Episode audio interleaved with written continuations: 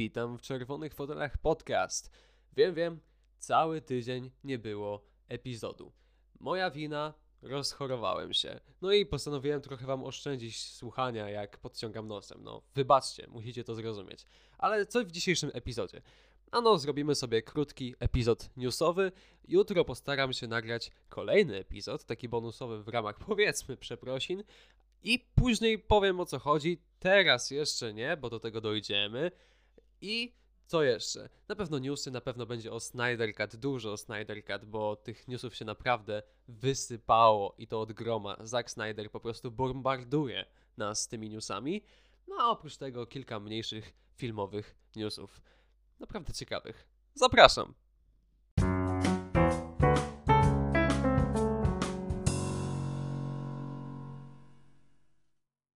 Zack Snyder naprawdę nie odpoczywa i cały czas bombarduje nas nowymi newsami a propos swojego nowego filmu, który nadchodzi już bodajże 18 marca, czyli Zack Snyder's Justice League. W końcu osiągnął swój cel, no i teraz jak już go osiągnął, no to będzie cały czas, cały czas i dosłownie cały czas gadał o tym, co w tym filmie nie będzie. Kogoś to może zmęczyć i mnie już też powoli męczy, ponieważ cały czas słucham dosłownie nowych newsów. Włącznie z tym na przykład Jezusowym Jaredem Leto w roli Jokera, który, którego wszyscy podłapali. Ja też. Yy, napisałem wpis na naszej grupie facebookowej Czerwone Fotele Podcast, na który zapraszam. I o czym, i o co chodzi tak naprawdę. Po co Zack Snyder tak napompowuje swój film? Po co? No po to, żeby się o nim gadało i się udało. Są oburzeni ludzie, którzy mówią, że nie wolno tak wykorzystywać symbolu chrześcijańskiego. Czek. Są ludzie, którzy uważają, że to jest zbyt napompowane i ten film będzie gówniany. Czek. Są ludzie, którzy uważają, że to jest głębokie i że Zack Snyder to jest Bóg kina i zbawca. Czek. I wszyscy ci gadają o tym. Wszyscy ci ludzie gadają teraz o Zack Snyder's Justice League. I o to chodziło. Dlatego te zdjęcia są wypuszczane. Nie po to, żeby pokazać, patrzcie, ten film będzie strasznie głęboki. Choć pewnie Zack Snyder sam w to wierzy. Ale po to, żeby napompować medialną burzę, żeby każdy zobaczył ten film bo też sam Warner Bros. wie, że jest to pewna nisza i że ten film robiony jest tak naprawdę dla fanów Zacka Snydera. No a trzeba jakoś przyciągnąć nowych widzów, tak by HBO Max za granicą i HBO Go w Europie rozwijało się i żeby ten film się zwrócił najzwyczajniej w świecie. No i dlatego są tego typu akcje robione żeby napompować medialnie cały projekt. Sam się po to podłapałem, sam zapostowałem, sam trochę opisałem to, że ten film będzie zbyt napompowany i będzie takim się przedstawiał i będzie kubkowaty. No i nikt niczego innego się nie spodziewa. Oczywiście potem wylało się wiadro pomyj na na przykład youtuberów, na ludzi, którzy skrytykowali Justice League, to i to nadchodzące i nie jestem fanem takiego, takiej działalności, czy w artykułach, czy w internecie, czy w prasie, w której ktoś najzwyczajniej w świecie obraża drugiego człowieka za to, że ma jakąś opinię. Tak, takiemu atakowi padł na przykład e, Łukasz Stelmach, który prowadzi e, podcast i e, kanał na YouTubie Napisy Końcowe razem z innymi wspaniałymi ludźmi którzy śledzą tą popkulturę i naprawdę mają o niej duże pojęcie. On wyraził swoją opinię, no i od razu został nazwany lewakiem. Został, jest głupi, jest gruby jaki to on nie jest. Włącznie z artykułem, który podkreśla, który ma niby podkreślać, że każdy może mieć swoje zdanie, ale potem dodaje, że no youtuberzy mają swoje zdanie i to jest absolutnie złe. I takich sytuacji należy unikać, ponieważ jest to droga donikąd. Każdy może mieć własne zdanie o Zack Snyder's Justice League. Każdy może mieć własne zdanie o jakimkolwiek filmie i należy na to pozwolić, bo to jest najzwyczajniej w świecie ludzka domena mieć własne zdanie i mieć prawo do wyrażania tego własnego zdania. Jeżeli ktoś, jeżeli ktoś nie zgadzając się z daną opinią nazywa kogoś lewakiem, grubasem, i kompletnie nie umie znaleźć kontrargumentu za tym, żeby jakoś odeprzeć tą opinię, żeby może wyrazić własną opinię, żeby być może podkreślić jakieś błędy, wychwycić błędy w rozumowaniu kogoś, to nie umie, bo musi od razu obrażać, musi od razu wejść ad personam. Wygooglujcie sobie, jeżeli nie wiecie, co to jest. I naprawdę jest krzywdzące, bo ci ludzie potem muszą zmagać się z tym hejtem, który jest wylewany na nich w ich kanałach, w ich wpisach i całkiem niepotrzebnie. Więc należałoby skończyć z tego typu działalnością w internecie i nawołuję was, nie hejtujcie i pamiętajcie, że wasza opinia to jest wasza opinia i możecie ją wstawić, możecie ją wrzucić. I jeżeli nie krzywdzi nikogo innego, jeżeli swoją opinią nie obrażacie nikogo, czy to z prawej, czy z lewej, serio, to gwarantuję wam, że nie zostanie to usunięte, nie zostanie to zbanowane, przynajmniej przez ludzi, którzy tak samo respektują wasze prawo głosu. Jeżeli taka opinia jest usunięta, oznacza, że osoba, która prowadzi daną stronę, dany kanał, nie respektuje tego wolnego głosu. I to jest złe. Dopiero wtedy może wejść krytyka, uwaga, krytyka, ale też nie hejt. Mówię o tym dlatego, ponieważ chciałbym, by ogólnie w internecie, choć nie jest to możliwe, by przyszedł czas takiego pokoju, że każdy może mieć jednak swoją opinię i by każdy mógł krytykować też opinię siebie nawzajem, ale krytykować. I logicznie wysnuwać jakieś wnioski, błędy, uczyć się od siebie nawzajem. Dlatego pamiętajcie, słuchając tego podcastu, ja mogę posłuchać krytyki, ale jeżeli zobaczę, że ktoś hejtuje, w tym momencie jest to złe.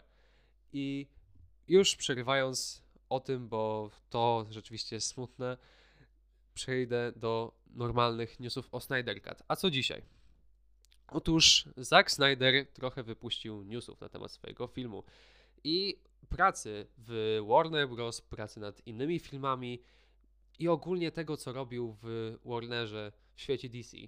Między innymi to, że on załatwił rolę Gal Gadot, która już miała odejść z Hollywood, miała przestać być aktorką i gdyby nie Zack Snyder, już prawdopodobnie nie zobaczylibyśmy jej w żadnym filmie. Ktoś może powiedzieć, ale ona jest słabą aktorką, to za co mamy mu dziękować? Ale potem widzimy ten wpis od Gal Gadot, która dziękuję Zakowi i jednak obiera to inne szaty. Cała historia już nie jest o tym Zaku Snyderze, który sprawił, że Gal Gadot jest Wonder Woman, a jest słabą aktorką i nie powinna być i powinien być recast. Z daniem z, i zamienia się to z takiej historii na historię dania nadziei, dania nowej możliwości, dania szansy komuś, kto jednak miał jakieś marzenia i dzięki temu reżyserowi mógł je zrealizować. I to jest świetne. Naprawdę wszyscy ci, którzy mówią, że a no bo teraz Zack Snyder i y, załatwił Gal Gadot i to jest taki głupi. No nie, już nie mówmy tak. Dostała tą rolę, cieszy się z niej. Ona prywatnie jest naprawdę świetną osobą. I tak, krytykujmy jej rolę. Krytykujmy to, że jest słabą aktorką, bo dzięki temu być może ona się rozwinie, być może będzie dostawała projekty, przy których będzie mogła coś pokazać rzeczywiście i się rozwijać i uczyć się aktorstwa. No i to tyle, jeśli chodzi o e, Gal Gadot. Następnie 15 minut w całym filmie będzie poświęcone na przeszłość i genezę Cyborga. Jak już widzieliśmy na trailerze Zack Snyder's Justice League, to tam była taka przebitka na Cyborga, który jest jeszcze który jeszcze nie ma sprzętu, którego jeszcze Motherbox nie został tam wcielony do ciała i ogólnie jest jeszcze człowiekiem. W pełni człowiekiem. I mamy dostać 15 minut w całym filmie. On będzie trwał chyba 4 godziny, także nie martwcie się, 15 minut to naprawdę będzie e, mało w tym wypadku. Więc mamy dostać 15 minut genezy. No, czy się cieszę? No, ten cyborg akurat nie jest moim ulubionym cyborgiem. Znacznie wolę tego z Doom Patrol, bo to jest ten cyborg ziomal, cyborg spoko typ, który chce być bohaterem, który jest normalnym nastolatkiem, z normalnymi problemami, a nie tym mrocznym emo nastolatkiem z który cierpi, jego życie jest cierpieniem. No nie, ja nie chcę tego typu historii. Ja chcę tego cyborga cieszącego się i tak, ma problemy życiowe, tak, ma swoje demony, ale one są gdzieś schowane i to właśnie jest świetne w tej postaci, że ta postać świadomie chowa te demony, by pokazać tą taką swoją lepszą stronę, tą stronę tego pomocnika, tego bohatera, aspirującego bohatera, który chce coś osiągnąć, chce pomagać ludziom. I to jest fajne.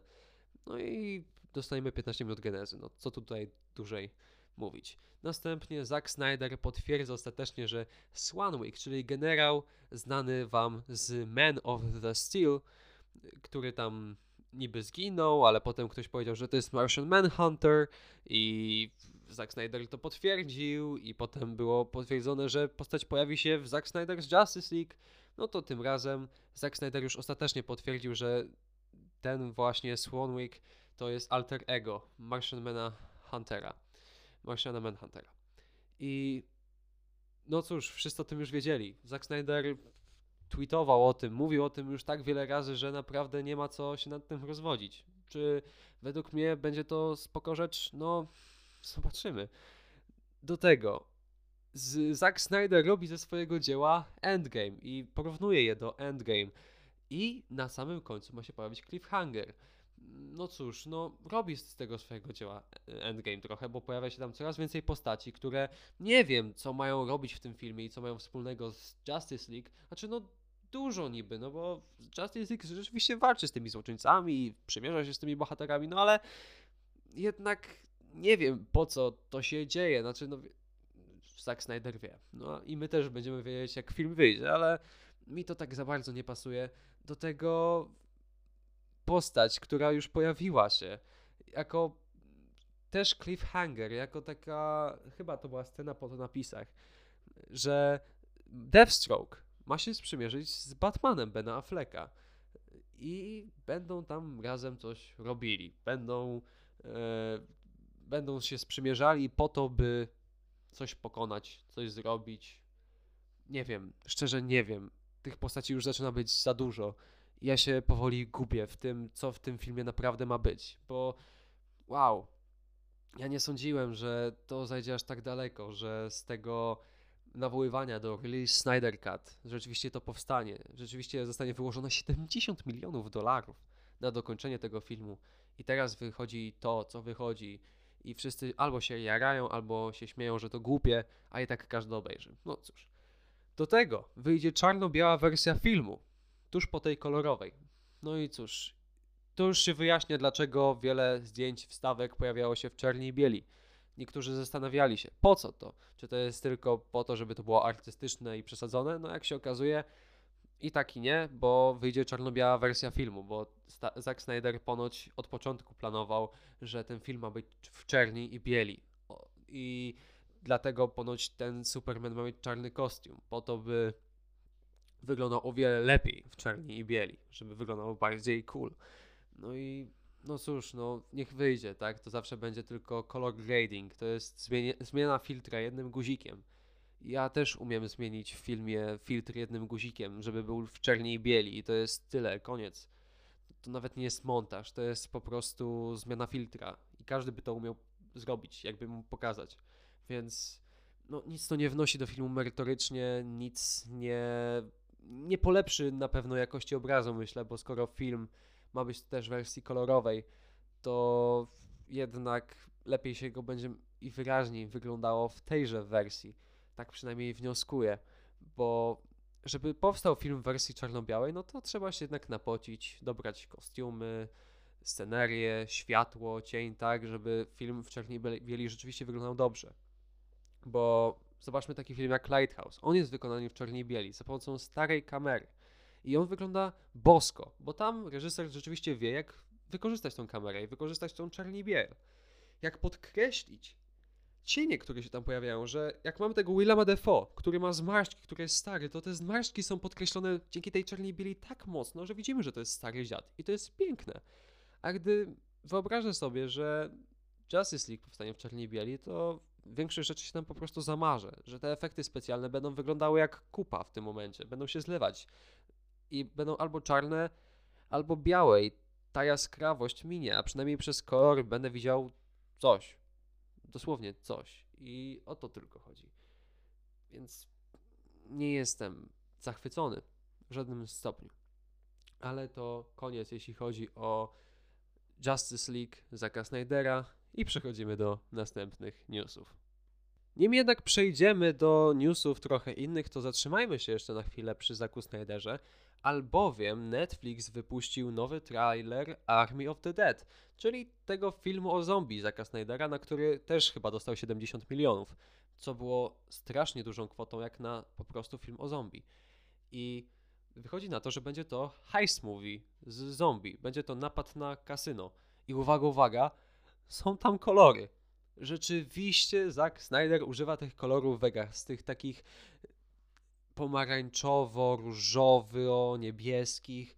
Używa tych kolorów i ten trailer rzeczywiście wygląda bardziej kolorowo, jak coś, czego by nie stworzył Zack Snyder. Potem wiadomo, jest ten jego taki żółtawy kolor grading, on się tam pojawia, jest ten filtr taki brzydki żółty, ale jednak przebija się ten kolor i być może będzie to rzeczywiście dobry film. Znaczy, może nie najlepszy na świecie, może nie wybitny, ale żeby pojeść sobie do niedzielnego schabowego, myślę, że do tego aspiruje, że nie będzie to ambitne kino i Zack Snyder robi ten film dla fanu, film o zombie, a już ma z tym doświadczenie, więc myślę, że to będzie po prostu luźny, popcornowy film po to, żeby sobie go obejrzeć, żeby zobaczyć jak tam ludzie strzelają do zombie jednocześnie chcą wykraść kasę.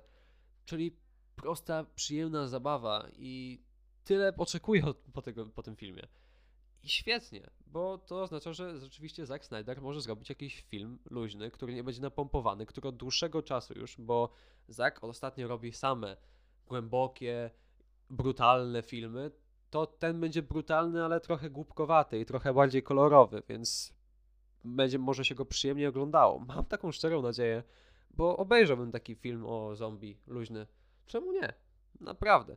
I trzymam kciuki za ten projekt, bo Zack Snyder musi się podnieść po tych jego ostatnich porażkach, a Justice League, jego najnowszy, też nie zapowiada się jako kino wybitne albo takie, które odbuduje jego renomę jako reżysera, więc mam nadzieję, że wszystko wyjdzie po jego myśli i że ten film będzie przynajmniej przyzwoity. No ale zobaczymy, jak to wyjdzie w praniu. Mówiliśmy już trochę o DC, także przy nim zostaniemy, ponieważ powstanie reboot Supermana, który był już zapowiadany. Mówiło się o tym, że po Man of Steel od Zacka Snydera powstanie jednak najnowsza część, która będzie odcinała się od tamtego filmu i jeszcze raz opowie historię Supermana, powiedzmy coś tam dodając. I po pierwsze, nie wiadomo, czy Supermana zagra Henry Cavill.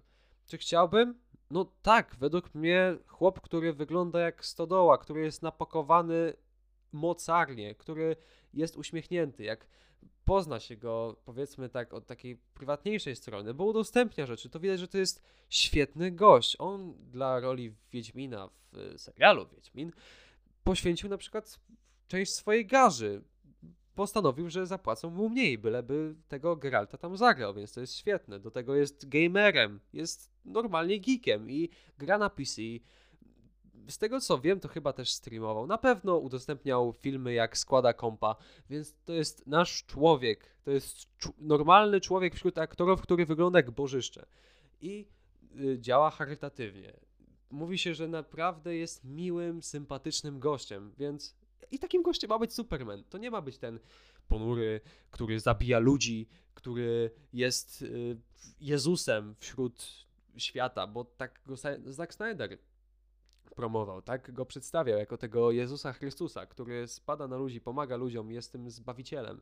A ja chcę dostać historię o zwykłym gościu, który ratuje ludzi, który jest, tak, jest symbolem, ale symbolem czystego serca i dobroci, bo tym jest Superman. To nie jest żadna chodząca statua mocy, siły z kosmosu, zbawiciela świata. Nie, to jest typ, który wiesz, że jeżeli będziesz miał problem, to cię ocali i gdy będzie trzeba też powiedzieć jakąś motywacyjną gadką, która być może odmieni twoje życie, być może zmienisz pogląd na siebie, na to, co robisz, na to, co się stało.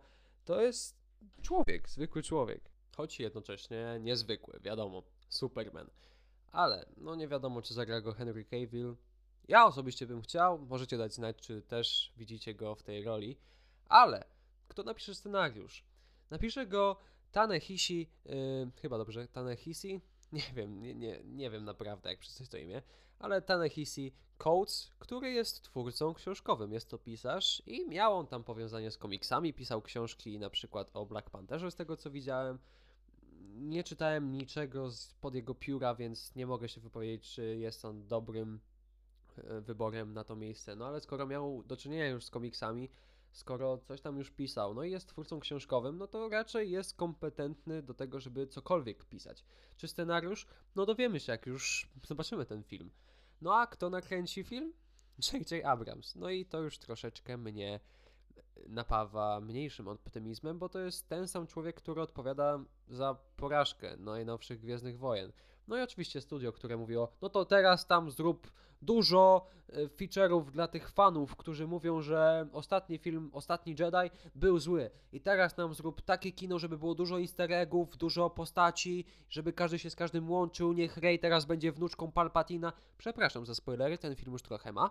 I żeby wszystko się działo. No, to jest ten człowiek, który odpowiada w głównej mierze za też pierwszy, pierwszą część nowej trylogii, czyli Przebudzenie Mocy, która nie była aż taka zła, no bo patrzy się na, bardziej na nią z, z pryzmatu tego, że to jest pierwsza część po dłuższym czasie i też nie wiedziano jak do końca podejść całości. Było to bardziej eksperymentalne. No ale według mnie jest to dobra, po prostu dobra część. Nie jest najlepsza, ma fajne momenty, ma słabe momenty i jest kompetentna w tym, co robi, czyli w byciu Gwiezdnymi Wojnami, przynajmniej według mnie. Czy cieszę się? No, nie za bardzo. Wolałbym, żeby jednak ten film nakręcił albo ktoś, kto już ma na przykład jakieś doświadczenie z ekranizacją komiksów, czyli może kogoś spod stajni Marvela, kto już nagrywał te filmy, zaciągnąć, bo myślę, że to by było ciekawe, albo kogoś kompletnie nieznanego, dać nowemu reżyserowi szansę podejścia do Supermana, bo po co zatrudniać takiego J.J. Abramsa, skoro można zatrudnić kogoś zupełnie nowego. No ale skoro chcą, to niech mają. Mam nadzieję, że film wyjdzie dobrze, że zagra aktor kompetentny tą rolę i że naprawdę zobaczymy dobre kino z Supermanem, na które wszyscy od dawna czekają, bo to jest jednak ten legendarny superbohater, ten pierwszy superbohater i należy mu się w dzisiejszych czasach w erze ekranizacji komiksów należy mu się naprawdę kompetentna ekranizacja, naprawdę kompetentny obraz i będę za to trzymał mocno kciuki. Teraz przechodzimy do newsów odnośnie nowej części Spidermana. Otóż na profilach instagramowych głównych aktorów pojawiły się zajawki. W każdej zajawce pojawiał się inny tytuł filmu. Internaci zaczęli spekulować, co to znaczy, jakoś układać ten tytuł, coś z nim robić, może to są jakieś puzzle, jakaś zagadka. Okazało się, że nie, to jest po prostu bait, czyli ta najbardziej oczywista opcja z tych wszystkich. No i pojawi się też filmik zajawkowy, w którym to aktorzy udają, że o, to jak to podali nam różne tytuły, że Tom to przez ciebie, bo ty wszystko spoilujesz, co jest według mnie bardzo uroczym nawiązaniem do tego, że rzeczywiście Tom Holland strasznie spoiluje filmy, w których gra w wywiadach.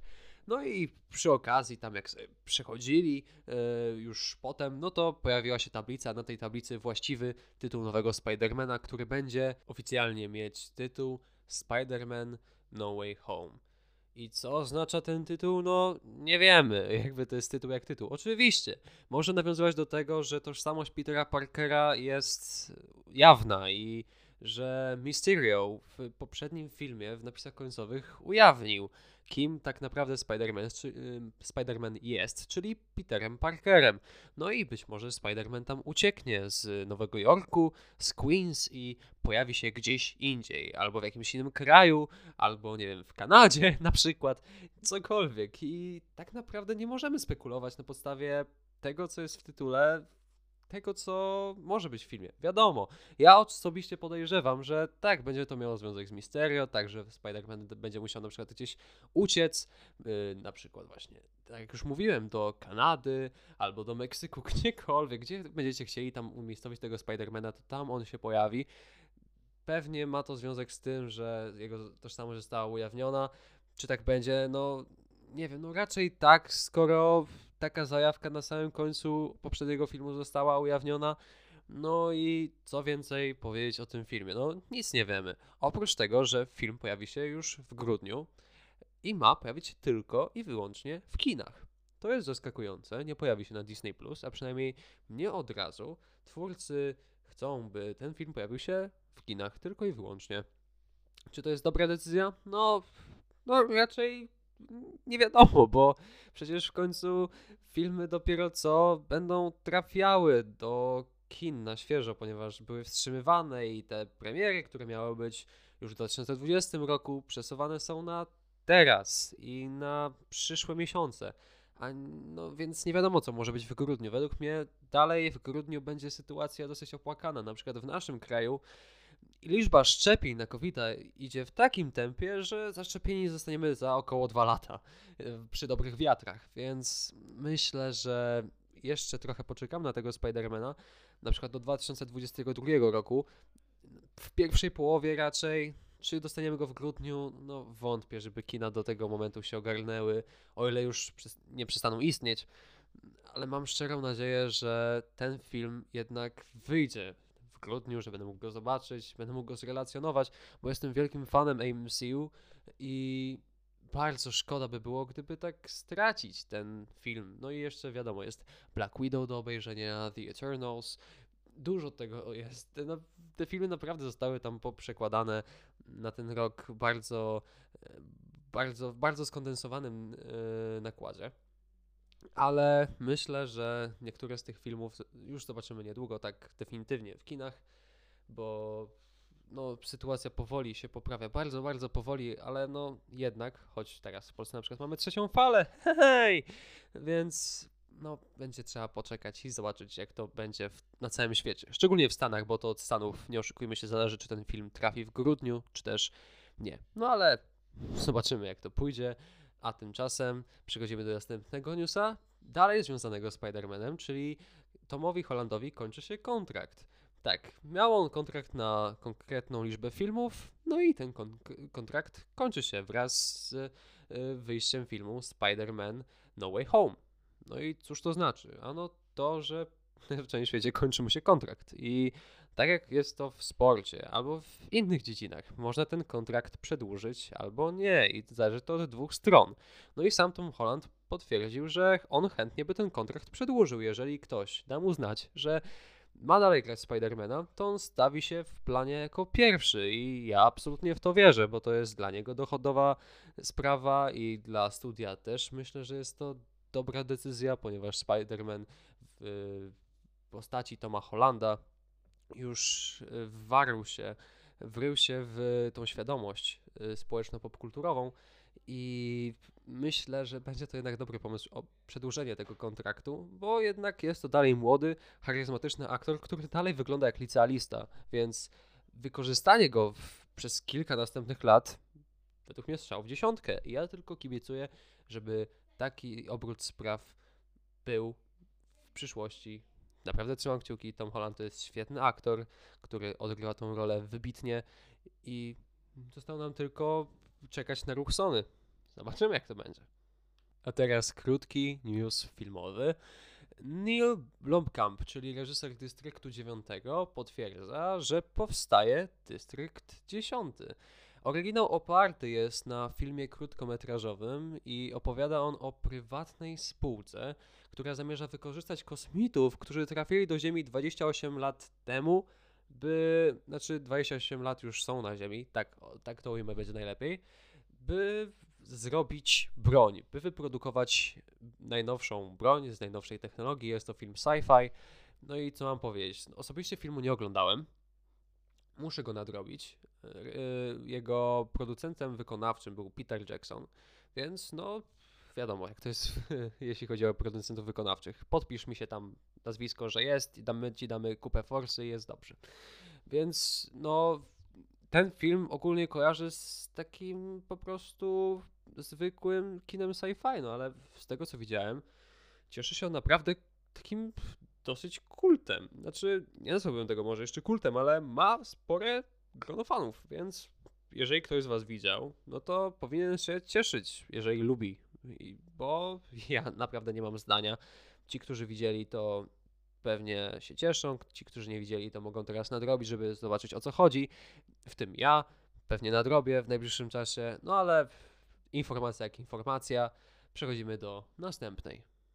I to jest dla mnie bardzo ważny news. Otóż trailer nowego filmu Mortal Kombat, o którym mówiłem w poprzednim epizodzie, jest w tym momencie najbardziej lajkowanym trailerem na YouTube, przebijając tym samym Deadpoola i Logana. Wow! To jest naprawdę świetna wiadomość. Oznacza to, że ludzie serio polubili to, co zobaczyli. Serio podoba im się ten nowy koncept Mortal Kombat i czekają. Skoro jest tak duża, duża, duże grono fanów, y, spora rzesza ludzi czekających na ten film, to jestem strasznie zadowolony, bo to oznacza, że film może nawet siebie zwrócić, jak już kina wrócą powiedzmy do rytmu. Być może wróci do kin, bo na razie ma trafić jedynie na HBO Max i mam nadzieję, że oprócz tego trafi też normalnie do kin, nie tylko w Stanach, ale też na całym świecie. Jego dystrybucja będzie wznawiana i to bardzo szeroko i gęsto, bo skoro ma takie duże zainteresowanie, to oznacza, że dużo osób po prostu na niego pójdzie. A skoro dużo osób na niego pójdzie, no to pieniążki tylko tako się zwrócą. A film pewnie nie był zbyt drogi, bo wiadomo, aktorzy większość niepopularna albo kaskaderzy. Efekty specjalne nie mają być świetne, mają być po prostu dobre i ma się je dobrze oglądać, bo tutaj nie chodzi o efekty specjalne wcale. Fabuła wybitna i to już mówiłem. Ja, ja o tym filmie już mówiłem, nie będę się więcej powtarzał. Jeżeli chcecie wiedzieć, co myślę ogólnie o Mortal Kombat i o tym, co widziałem na trailerze, to zapraszam do poprzedniego epizodu. Polecam bardzo, a my tymczasem przechodzimy do następnego newsa. Wróćmy na chwilę pod stajnię Marvela. 19 marca na Disney Plus trafi serial Falcon and the Winter Soldier, czyli ten serial, który chyba miał trafić jako w ogóle pierwszy przed WandaVision. WandaVision zobacz, pomówimy sobie za tydzień prawdopodobnie, jak wyjdzie ostatni epizod, bo chciałbym powiedzieć o każdym epizodzie mniej więcej osobno o każdym odcinku i potem pomówić jeszcze o całości, jak mi się całość podobała. Na razie nie będę nic mówił, tylko zostawię to sobie na osobny epizod. Tymczasem, jak już mówiłem, 19 marca trafi Falcon and the Winter Soldier, czyli jeden z tych seriali Marvela, MCU, a już 11 czerwca serial Loki, który z tego co wiem ma być też trochę bardziej eksperymentalny.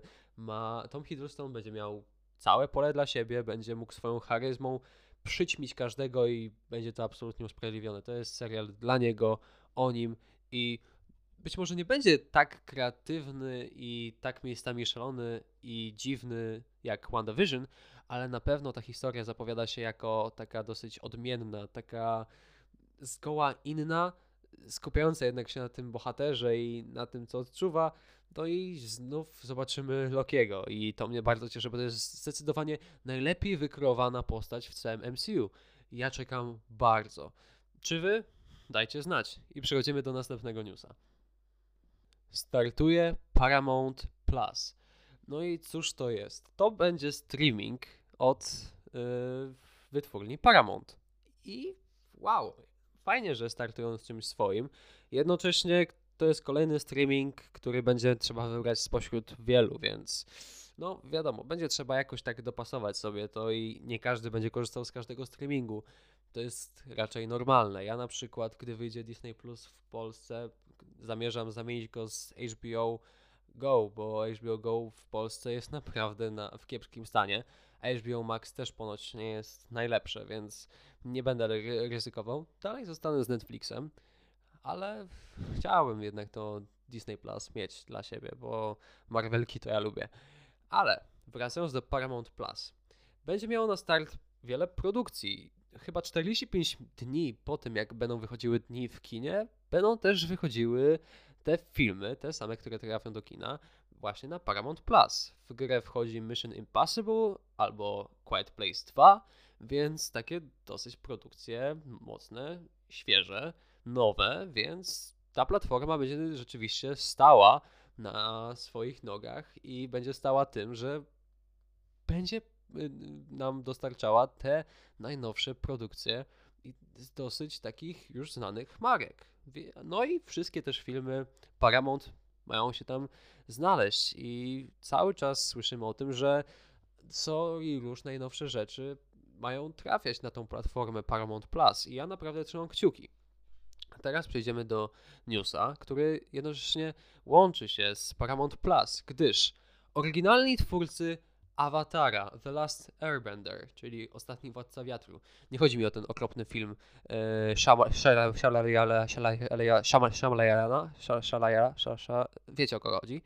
E, nie będzie to o tym filmie. Chodzi mi o ten e, serial, o klasyczny, legendarny serial Avatar, u nas Avatar Legenda Arga, mm, z, pod skrzydła Briana Konieczko i Michaela Dante Di Martina. Ci ludzie wracają za stery y, Awatara i robią dla Paramount Plus pełnometrażowy film o Awatarze. Ale to nie koniec. W ich ręce przychodzi też nowa, nowy projekt pod nazwą Avatar Studios, czyli całe uniwersum Awatara będzie teraz rozwijane. Bo mamy do tej pory Awatara, czyli The Last Airbender, Anga, i mamy też Legend of Korra, czyli Legenda Korry. Swoją drogą tłumacze polscy trafili w dziesiątkę, jeśli chodzi o tłumaczenie y, The Last Airbender jako legenda Anga, a potem wypuścili legendę Korry jako Legend of Korra. Już nie musieli nic zmieniać. Piękna rzecz to jest akurat ta historia w polskim tłumaczeniu, która no, mówi, że czasem im się jednak udaje coś zrobić. Przypadkiem, ale jednak się udało. I tutaj będę musiał powiedzieć trochę o epizodzie, który pojawi się albo jutro, albo w środę. O co chodzi? Ano o to, że sobie odświeżam Awatara. Dwa, yy, dwie serie, Legenda Kory i Avatar Legenda Anga. Na początku, jak wiadomo, pojechałem chronologicznie z Legendą Anga. Pierwsze odcinki oglądało się dosyć tak dobrze. Widziałem błędy i widziałem starość, ale jednak była to nostalgia. A legendy Kory nie przepadałem za nią przez to, że no jak to? No przecież Avatar to jest Ang, nie, a nie Korra jakaś. To, to, kto to jest Korra, nie? A teraz podchodzę do tego jednak inaczej, jako już dojrzały twórca. Nie jako dziecko, które oglądało co wieczór legendę Anga, tylko jako już taki dojrzały twórca. I odświeżam to sobie i jestem, no nie powiem co jestem, bo o tym będzie poświęcony cały epizod bonusowy. Wracam do formatu pojedynczego fotela. E, pierwszy taki format pojawił się przy okazji recenzji Megan is Missing. Nie chcę wspomnieć o tym filmie, ale pojawi się też przy okazji recenzji osobno. Pierwszej serii, czyli e, The Last Airbender i drugiej serii Legend of Korra.